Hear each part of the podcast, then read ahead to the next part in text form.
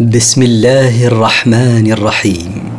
مركز تفسير للدراسات القرآنية يقدم المختصر في تفسير القرآن الكريم صوتيا.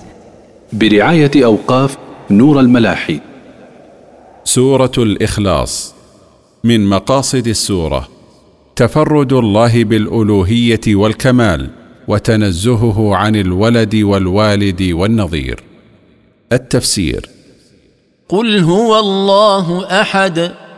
قل أيها الرسول هو الله المنفرد بالألوهية لا إله غيره. الله الصمد.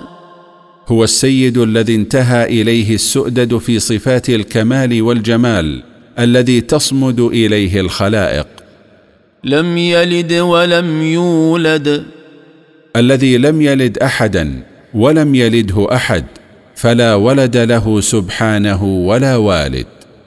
ولم يكن له كفوا أحد.